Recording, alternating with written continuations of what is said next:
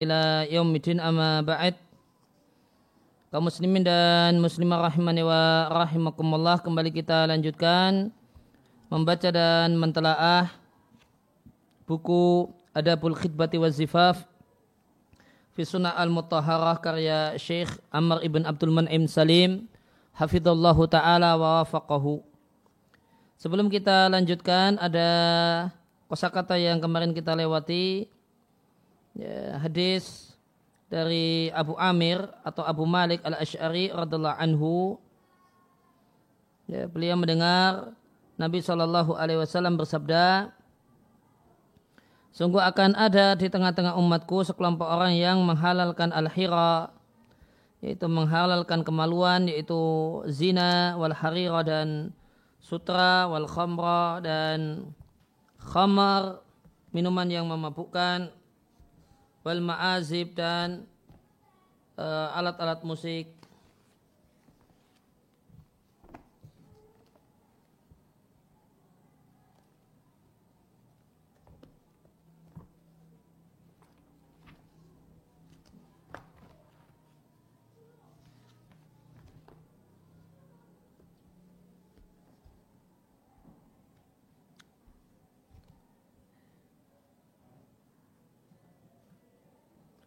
Kemudian walayan uh, walayan zilunna akwamun dan ada sekelompok orang yang singgah ila janbi alamin. Alamin artinya gunung di samping gunung. Yaruhu alaihim yang uh, yaruhu itu datang di waktu sore ya, ya alaihim mendatangi mereka di waktu sore bisa rihatin lahum. Sarihatin maknanya hewan ternak. Ya, maka ada penggembala hewan ternak yang membawa ya, hewan-hewan ya, ternaknya yang berangkat di waktu pagi dan pulang di waktu sore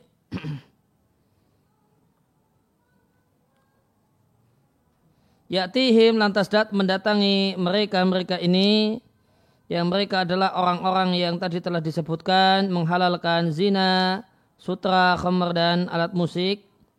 Dia didatangi oleh orang fakir lihajatin karena satu hajat dan kebutuhan. Lantas mereka mengatakan kepada si fakir ini, Irji ilaina ghadan, kembalilah besok eh, besok kepada kembali temui kami besok hari. Fayubayituhumullahu lantas Allah membinasakan mereka dan Allah timpakan gunung itu menimpa mereka dan Allah jadikan gunung itu menimpa mereka. Kemudian Allah ganti wajah yang lainnya atau sejumlah yang lainnya dari sekelompok orang yang melakukan pelanggaran pelanggaran yang telah disebutkan ada yang rupanya rupa kirodatan kera, ada yang khonazira, ya, ada rupa babi ila yaumil sampai hari kiamat. Ya. Nah, itu kemudian kita lanjutkan di halaman selanjutnya atau bab selanjutnya hukuku zaujain hak suami istri halaman 161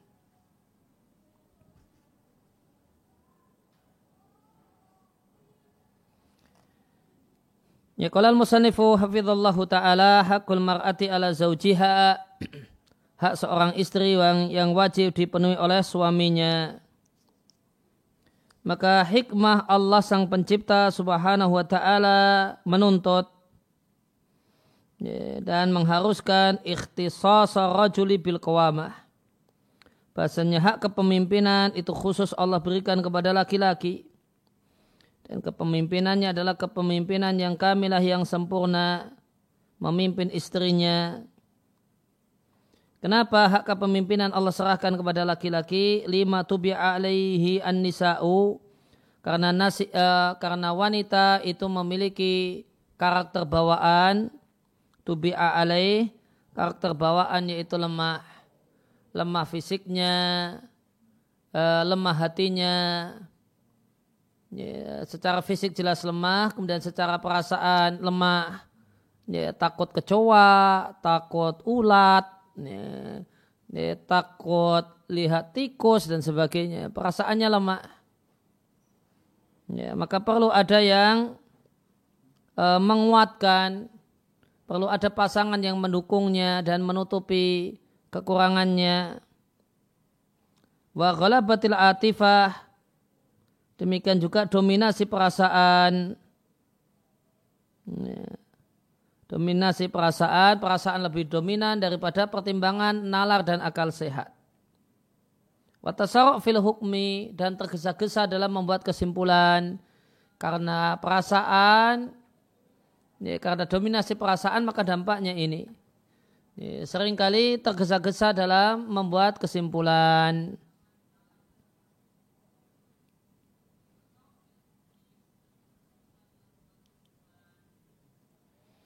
Dan ini jika eh, jika tidak di ditata dengan baik atau kemudian dikendalikan dengan baik, ini di antara sebab prahara rumah tangga.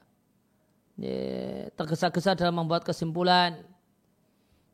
maka nanti tergesa-gesa berkomentar, kemudian komentarnya komentar negatif. Maka tindakan suami selalu dimaknai dengan makna dengan dasar kecemburuan ya, maknanya makna negatif nanti kemudian kesimpulannya uh, cepat-cepat berkesimpulan uh, suami tidak perhatian suami tidak sayang suami tidak menghargai dan seterusnya. Kemudian sebab yang kedua kenapa kepemimpinan Allah khususkan Allah serahkan kepemimpinan rumah tangga uh, Allah serahkan kepada laki-laki. Sebab yang kedua bima fudila bi dengan kelebihan yang Allah berikan pada laki-laki. Kelebihan, ya dalam hal ini kelebihan beban. Min wujubi sa'i, kewajiban untuk bekerja, wal qaddi, bersusah payah, wal amali dan bekerja, ala taufir untuk memenuhi kebutuhan istri, wal iyal dan keluarga dan anak-anak. Nah karena dua hal ini maka kepemimpinan itu Allah serahkan kepemimpinan rumah tangga, Allah serahkan kepada laki-laki. Sebagaimana yang Allah firmankan bahwa ahsanul qailin dan Allah adalah sebaik-baik ya, yang berfirman Allah katakan arijalu qawwamuna 'alan nisa'i ya laki-laki itu menjadi pemimpin istrinya dan ini karena dua sebab yang pertama, yang pertama bima faddalallahu ba'dum ala ba'din. Karena keunggulan ya, yang Allah berikan pada sebagian mereka itu laki-laki unggul ala ba'din atas yang lainnya yaitu perempuan. Yaitu keunggulan dari sisi karakter bawaan. Ya, maka tadi karakter bawaan dari perempuan itu lemah, kemudian dominasi emosi dan perasaan yang ini semestinya uh, Ya, tidak demikian keadaannya pada laki-laki. Nah, karena ini maka laki-laki yang jadi pemimpin, laki-laki yang jadi nahkoda, laki-laki yang mengatur. Kemudian yang kedua, wabima angfaku min amwalihim. Dan, ya, dan dikarenakan mereka menafkahi istrinya dan anaknya dengan menggunakan hartanya. Maka hartanya Allah wajibkan untuk disisihkan eh, dalam rangka memenuhi kebutuhan istri dan anak-anak. Dan di sini disampaikan min amwalihim sebagian hartanya menunjukkan bahasanya tidak semua harta dan penghasilan suami menjadi hak istri. Namun sebagian. Ya, artinya jika suami memiliki penghasilan yang berlimpah, ya, maka yang menjadi hak istri adalah sebagian dari harta suami, yaitu yang sesuai dengan kadar kebutuhan istri dan anak-anak. Bukan keseluruhan harta suami. Maka ada, ada harta yang merupakan harta pribadi laki-laki, harta pribadi suami yang untuk distribusinya uh, suami tidak harus meminta izin pada atau kemudian harus pamit kepada istrinya. Ya, dia bisa dia perlu beli bensin, dia perlu beli uh, pulsa, perlu uh, sedekah dan sebagainya, merasa pingin sedekah dan sebagainya, eh, maka seorang laki-laki, seorang suami bisa mengambilnya dari uh, bagian yang lain dari hartanya yang bukan bukan bagian yang dia peruntukkan untuk nafkah anak dan istrinya. Sebelum kita lanjutkan, saya ingin bacakan tafsir An-Nisa 34.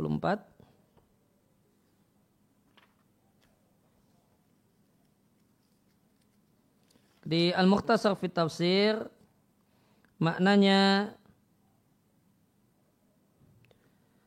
para laki-laki itu yar'auna nisa'a memimpin istri wa yakumuna ala su'unihim mengurusi urusan membereskan urusan istrinya. Disebabkan keistimewaan yang Allah berikan kepada laki-laki minal fadli alaihinna sehingga uh, istri itu lebih unggul uh, suami itu lebih unggul daripada istrinya yaitu dari sisi karakter dari sisi karakter bawaan. Dan disebabkan mayajibu alaihim menjadi kewajiban suami minan nafaqati wal qiyami alaihinna untuk menafkahi dan uh, mengurus istrinya. Maka di sini di, disampaikan bahasanya makna kowam itu adalah memimpin dan mengurusi. Ya, maka berbagai hal itu menjadi kewajiban seorang suami dibalik kata-kata kowamun. Maka dibalik kata-kata mengurusi ini terdapat makna menafkahi, terdapat makna uh, memenuhi kebutuhan, kebutuhan fisik dan non fisik, terdapat makna uh, memimpin, terdapat makna uh, mendidik, ya, terdapat makna mengayomi, melindungi. Ya maka seorang laki-laki harus kemudian uh, punya uh, punya semangat untuk melindungi istrinya. Ketika istrinya itu digoda oleh laki yang lainnya, dia bisa tampil maju untuk ya, ini istriku. Mau apa kamu? Ya. Ya, apakah hal semacam ini satu hal yang wajib? Wajib. Apa dalilnya? Dalilnya arijalu kawamuna ala nisa'i. Ya maka boleh jadi laki-laki harus berani, harus ya kadang nekat, punya kewajiban untuk demikian. Ya, dan lebih sempurna kalau punya ilmu bela diri. Ya, ketika istrinya itu butuh perlindungan, maka dia bisa memberesinya. Ya, dia bisa uh, bertindak semestinya. Ya, apa dalilnya? Ya, dalilnya arijalu kawamuna ala nisa'i. Maka semua makna memimpin, mengayomi, mendidik, meneladani, menjadi teladan, itu semua terkandung dalam kata-kata arijalu kawamuna ala nisa'i. Dan dan di antara konsekuensinya ya eh, suami punya diberi kewenangan untuk menghukum jika diperlukan dalam rangka untuk mendidik dan membawa istri kepada yang lebih baik.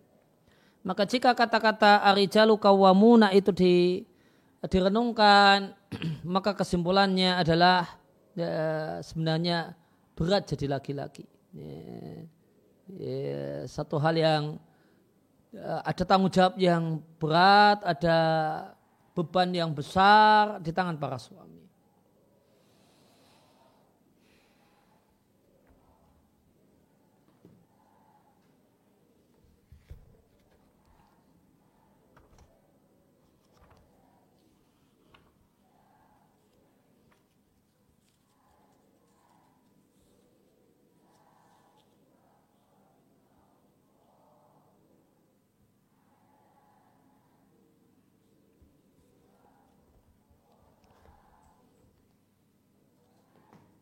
Atau untuk kemudian ya uh, melengkapi pembahasan uh, tentang tafsir An-Nisa 34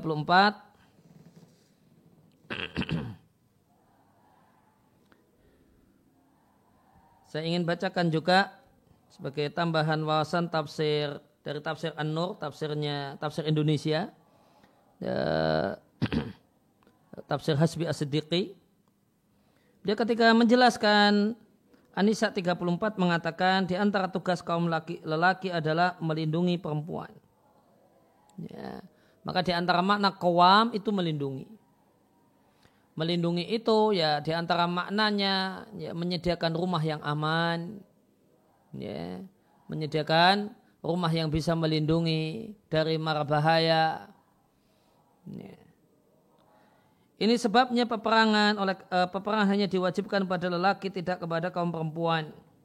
Begitu pula tugas menafkahi keluarga. Maka dibalik uh, makna kawam itu menafkahi. Nah.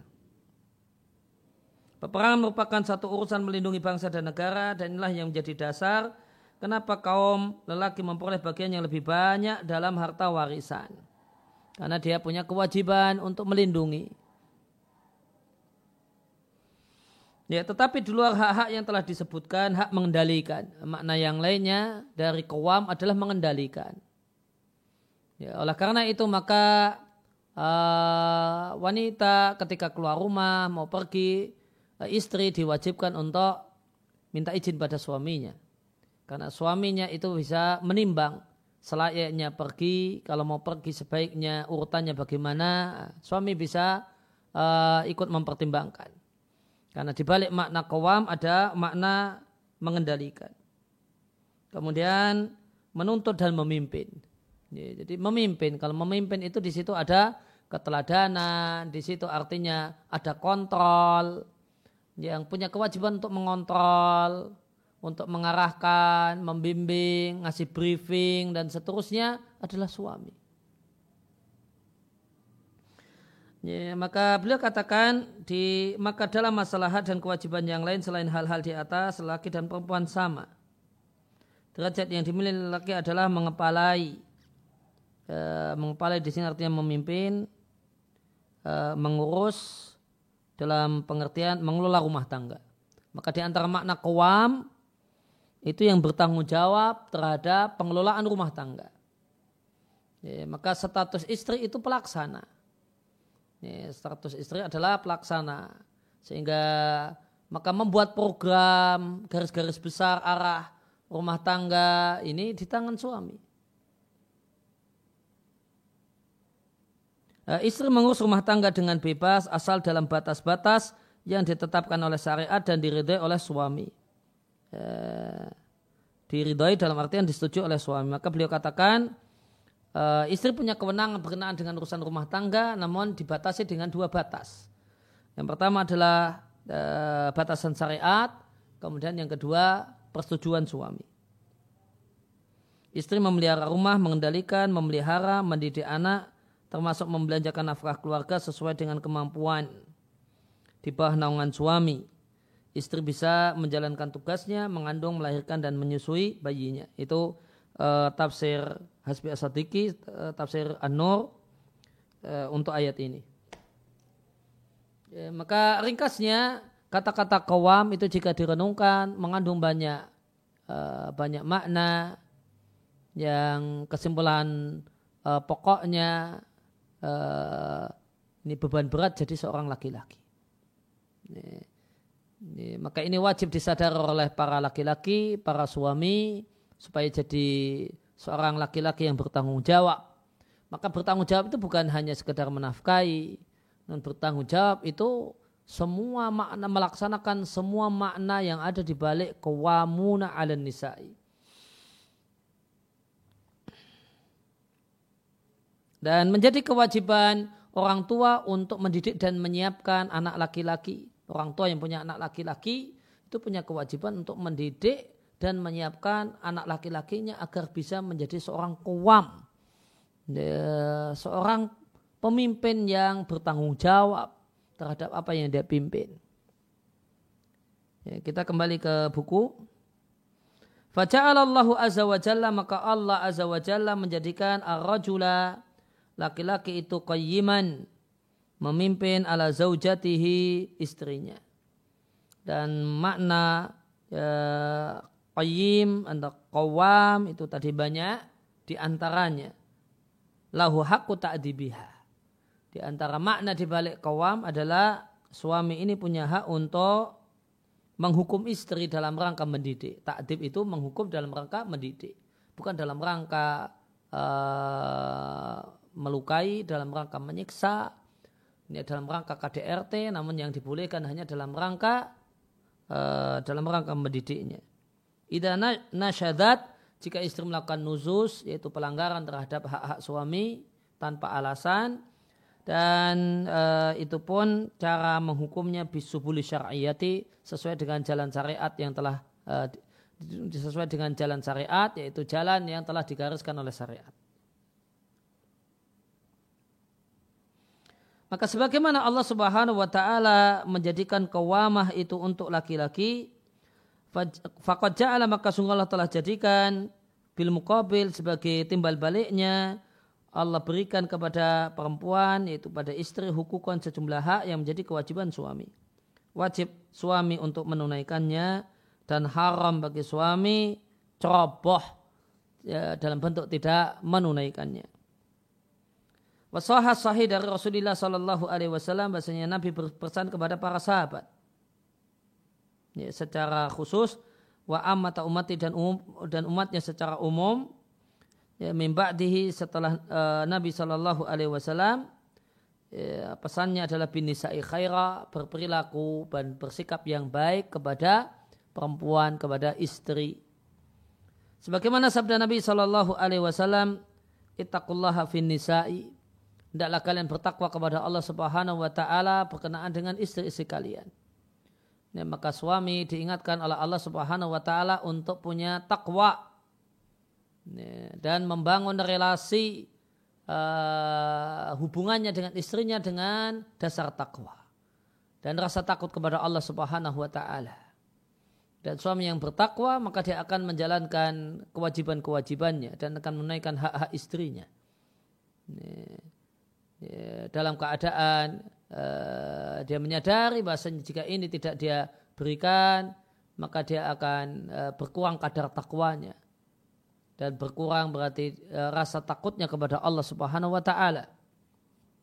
Fa innakum akhadtumuhunna bi amanatillahi. Sungguh kalian telah mengambil uh, perempuan tersebut, istri kalian tersebut dari tangan dan tanggung jawab ayahnya dengan amanah dari Allah Subhanahu wa taala. Wastahlaltum furujahunna bi kalimatillahi. Dan kalian telah halalkan kemaluannya dengan kalimat Allah kalimat Allah maksudnya firman Allah maksudnya adalah uh, syariat Allah dan izin Allah Subhanahu wa taala melalui syariatnya yang membolehkan uh, yang menghalalkan kemaluan istri uh, dengan syariat pernikahan yang Allah gariskan. Kalian mengambilnya dengan amanah Allah Subhanahu wa taala yaitu ya, dengan akdun nikah. Maka ketika ter, uh, ketika seorang laki-laki menjalani prosesi akad nikah, ya, melakukan ijab kabul dengan wali, maka pada hakikatnya dia menerima amanah Allah Subhanahu wa taala untuk memperlakukan uh, istrinya dengan sebaik-baik perlakuan. Kemudian halaman selanjutnya waqala alaihi salatu wassalam dan Nabi SAW menyampaikan, Istausu bin nisa'i khaira. Terimalah wasiatku untuk bersikap baik kepada istri. Fa'inahunna karena wanita itu khulikna min dila'in tercipta dari tulang rusuk. Ini kalimat ini semisal kalimat manusia tercipta dari tanah. Maksudnya asal muasal ya, manusia yaitu Adam tercipta dari tanah. Adapun kita tercipta dari air mani ayah dan ibu kita. Ya, maka kondisi penciptaan asal itu bisa uh, asal itu bisa dipakai untuk keturunannya. Meskipun tercipta dari tanah itu dialami oleh Adam, keturunan Adam, manusia secara umum boleh disebut dengan dengan kalimat manusia tercipta dari tanah. Maka demikian juga hal ini. Wanita tercipta dari tulang rusuk. Sebagian orang salah paham, dikira bahasanya eh, masing-masing wanita itu tercipta dari tulang rusuk calon suaminya. Tidak. Maka yang dimaksud dengan wanita tercipta dari tulang rusuk adalah asal wanita yaitu Hawa, ibunda kita Hawa alaihissalam ya, tercipta dari tulang rusuk Adam. Karena asal wanita itu tercipta dari tulang rusuk, asal wanita itu ibunda Hawa itu tercipta dari tulang rusuk Adam, maka keturunannya boleh disebut dengan sebutan uh, wanita tercipta dari tulang rusuk. Sama dengan eh, manusia tercipta dari tanah. Wa ina a'waja syai'in fi dila'i dan bagian yang paling bengkok di tulang rusuk adalah a'lahu, ya, tulang rusuk yang paling atas.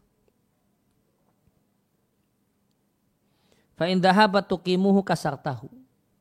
Ya, maka Nabi sampaikan bagaimanakah sikap yang tepat seorang suami terhadap istrinya jika engkau ngotot untuk meluruskannya, yaitu meluruskannya secara paksa, ya, maka kasar tahu, maka engkau mematahkan tulang rusuk itu. Dan patahnya tulang rusuk adalah perceraian. Wa in tahu namun jika engkau biarkan tulang rusuk tersebut, maka dia terus menerus dalam keadaan bengkok. Terus bagaimana? Ya tengah-tengah. Ya berarti jangan maksa di, jangan meluruskan secara secara paksa namun juga jangan dibiarkan tanpa dididik mendidik secara keras nah, jangan karena nanti ujungnya adalah perceraian ini, ini, mendidik dengan cara uh, apa uh, keras kaku itu uh, jangan karena ujungnya adalah perceraian Cara mendidik dengan cara ditakut-takuti, dijat, didoktrin, harus begini, harus begitu.